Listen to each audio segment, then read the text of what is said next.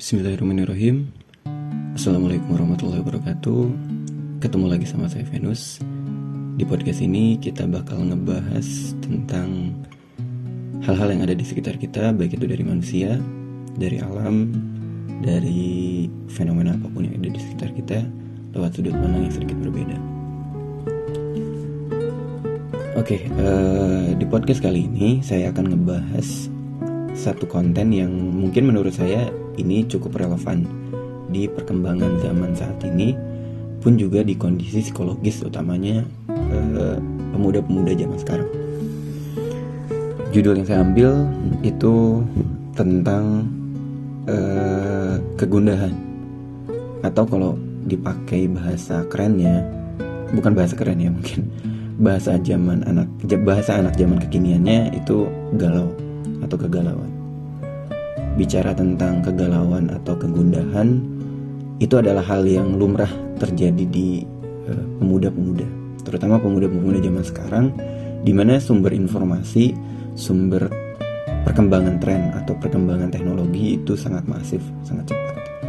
Jadi eh, faktor-faktor eksternal yang membuat uh, kegundahan setiap orang atau kegalauan setiap orang, utamanya anak-anak muda, itu jadi sangat besar, sangat banyak. Dan itu hal yang wajar. Setiap orang pasti punya kegundahan. Meskipun faktor penyebab kegundahan itu berbeda-beda. Ada yang memang eh, faktor penyebab kegundahan itu hal yang besar, ada yang faktor kegundahannya itu hal-hal yang kecil. Dan itu memang wajar. Jadi bukan hal yang salah seseorang mengalami kegundahan atau kegalauan bukan yang salah. Tapi mungkin di konten ini uh, saya ingin mencoba untuk menggali ulang penyebab dari kegundahan itu. Karena penyebab kegundahan setiap orang itu berbeda-beda kan ya. Dan uh, faktor yang mempengaruhinya ada dua hal biasanya. Yang pertama faktor internal yang kedua faktor eksternal. Saya bakal bicara tentang faktor penyebabnya dulu. Faktor internal. Faktor internal biasanya ya kita sudah tahu bahwa itu hal-hal yang berkaitan dan penyebabnya dari diri sendiri baik itu hormon peningkatan hormon. Biasanya orang-orang dari umur uh, kalau misalkan orang zaman sekarang biasanya sweet 17 dari orang 16 tahun 17 tahun sampai 30 tahun itu di mana hormon mereka sedang meningkat pesat. Uh, peralihan fase-fase transisi peralihan dari masa remaja ke masa dewasa. Kalau di bidang saya di bidang keatletan saya sebagai pengajar uh, panahan itu ada yang namanya golden age di atas dari 17 tahun ke atas itu di mana performa setiap orang dalam olahraga yang mereka minati itu sangat bagus sangat pesat peningkatannya. Karena memang ya itu dia hormon eh, sedang meningkat kemudian perkembangan fisik sedang matang-matangnya eh, beban pikiran sedang mulai diterpa. Oke di situlah eh, faktor internal menjadi penyebab eh, apa ya penyebab uh, kegalauan atau kegalauan atau kegundahan setiap orang. Faktor internalnya hormon, kemudian perkembangan fisik, kemudian mulai dari uh, will atau keyakinan atau kemudian cita-cita yang ingin dia gapai dan lain sebagainya. Yang kedua adalah uh, faktor eksternal. Faktor eksternal di sini berkaitan dengan luar ke dalam. Biasanya bersifat informasi, contoh, mentor, kemudian kesulitan, uh, dan lain sebagainya. Jadi faktor eksternal dan internal ini saling uh, beririsan. Bisa jadi saling beradu, bisa jadi saling beririsan. Kalau tepat itu beririsan, kalau misalkan uh, kurang tepat saling beradu. For example gini, kita ngambil faktor internal faktor internalnya tuh will atau semangat. Atau misalkan kita punya cita-cita deh, kita pengen punya cita-cita jadi dokter. Uh, semangat banget tuh seseorang pengen jadi dokter. Tapi ketika menghadapi kondisi di sekitar ternyata untuk masuk kampus e, juara yang lulusan dokternya bagus itu susah banget. Misalkan selama satu tahun di satu angkatan itu cuma nerima 20 hmm, orang tapi pesaingnya sampai 1000 di situ kan kita mulai berbenturan dengan realitas bahwa sebenarnya untuk jadi dokter hebat tuh nggak semudah itu. Akhirnya muncullah kegalauan. Nah ada ada bentrok antara luar e, dan dalam yang bikin kita jadi galau faktornya internal dan eksternal. Kenapa saya jabarkan tentang faktor internal dan eksternal ini? Karena memang ya wajar supaya kita paham bahwa sebuah kegalauan atau sebuah uh, kegundahan itu adalah hal yang wajar terjadi di manusia. atau zaman sekarang ada yang dikenal uh, ada yang istilah yang dikenal dengan quarter life crisis atau krisis di usia pertengahan. Biasanya ini dihadapi oleh orang-orang di usia 23 sampai 30 tahun. Rata-ratanya di usia 25 tahun. Faktor uh, faktor apa sih yang bikin si quarter life crisis ini ada? Yaitu dia kembali lagi sama kayak tadi internal dan eksternal. Ketika apa yang kita niatkan itu berbenturan dengan realitas yang ada di sekitar, ketika idealisme kita ber, berbenturan dengan realitas yang ada di sekitar, maka muncullah quarter life crisis atau krisis di usia pertengahan. Itu di mana kita mulai galau tentang umur, itu di mana kita mulai galau tentang pekerjaan, itu di mana kita mulai galau antara kebutuhan hidup kita. Misalkan sebulan kita butuh 5 juta, atau misalkan butuh 3 juta tapi ternyata pekerjaan kita tidak mengakomodir itu dengan cukup. Ternyata pekerjaan kita cuma dapat 2 juta setengah misalkan udah kurang 500 ribu. Nah itu udah udah jadi uh, penyebab dari quarter life crisis. Belum lagi misalkan uh, usia kita udah dua kita cewek ini misalkan usia kita udah 25 teman-teman seangkatan udah pada nikah kita udah mulai galau nih. Aduh apa gua bakal jadi perawan tua ya? Atau misalkan apa gua nikahnya di usia 35 ya dan lain sebagainya. Atau misalkan bisa jadi saya cita-citanya pengen jadi uh, apa ya pengen jadi penulis misalkan. Tapi sejauh ini tulisan yang saya masukin ke penerbit itu gagal mulu. Atau gagal gagal terus nggak ada yang di ACC dan lain sebagainya. Padahal udah tiga tahun nulis. Nah hal-hal tersebut yang membuat kita jadi uh, galau yang membuat kita jadi uh, gundah dan itu kembali lagi kenapa saya jabarkan ini karena memang kegundahan itu adalah hal yang wajar Oke, mari kita next level ke level berikutnya setelah kita paham bahwa sebuah kegundahan itu adalah hal yang wajar, terutama di anak-anak muda yang belum matang. Karena kalau kita lihat kan Rasulullah itu diangkat jadi Rasul Rasul itu di usia 40 tahun. Sebelum itu adalah masa-masa pembimbingan. Jadi galau itu hal yang wajar dan udah berulang kali beliau juga e, galau. Kenapa beliau juga secara takdirnya e, di e, dijodohkan dengan Siti Hadijah yang sudah matang pemikirannya karena memang e, ada fase quarter life crisis juga yang dihadapi oleh beliau. Oke, kembali lagi e, next level dari pertanyaannya adalah eh sorry bukan next level dari pertanyaannya. Kegundahan itu sudah hal yang wajar tapi ada pertanyaan susulan sih sebenarnya. Pertanyaan susulannya adalah hal apa sih yang membuat kita gundah selama ini? Karena berbeda-beda ada orang yang gundahnya karena hal-hal kecil ada orang yang gundahnya hanya karena hal-hal besar. Hal-hal kecil itu apa sih? Mari kita klasifikasikan. Hal-hal kecil tuh kalau menurut Ustadz Budi Asari hal-hal remeh temeh hal-hal kayak galau. Gue suka sama doi tapi doi doi nggak suka sama gue gue jatuh cinta sama doi tapi gue tapi doi nggak jatuh cinta sama gue itu masalah perasaan misalkan. Atau misalkan karena uh, eh, gue udah usia 28 tahun nih tapi gue belum nikah juga padahal seangkatan gue udah pada nikah. Apalagi ya? Gue kerjaan gue masih di sini padahal teman-teman gue udah jadi pemimpin perusahaan misalkan atau apa pun itu. Gara-gara kecil. Kenapa itu diklasifikasikan sebagai galau atau kegundahan yang kecil? Karena hal-hal tersebut itu hanya berkaitan dengan diri kita sendiri sebenarnya. Hanya berkaitan dengan masalah kita pribadi.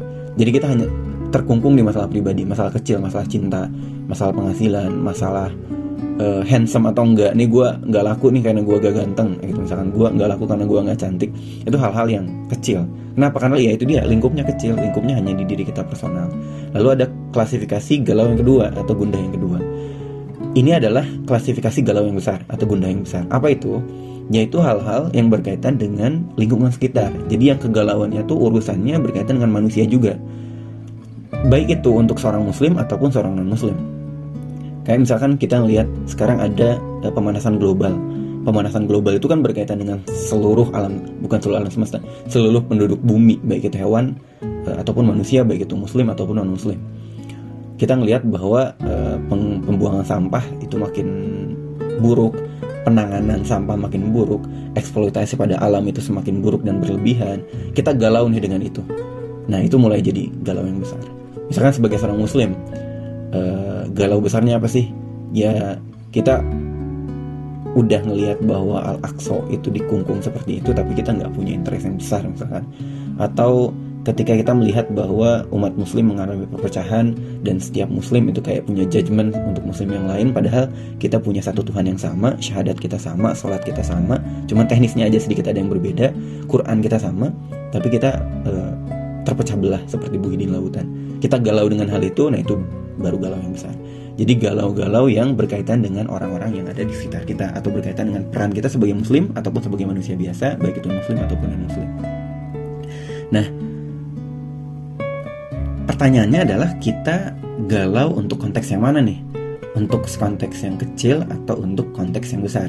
oh bro uh, salah gitu kalau misalkan kita digalaukan oleh konteks yang kecil enggak juga kenapa saya menjabarkan uh, tentang bahwa uh, galau itu lumrah itu karena memang galau kecil itu tidak salah.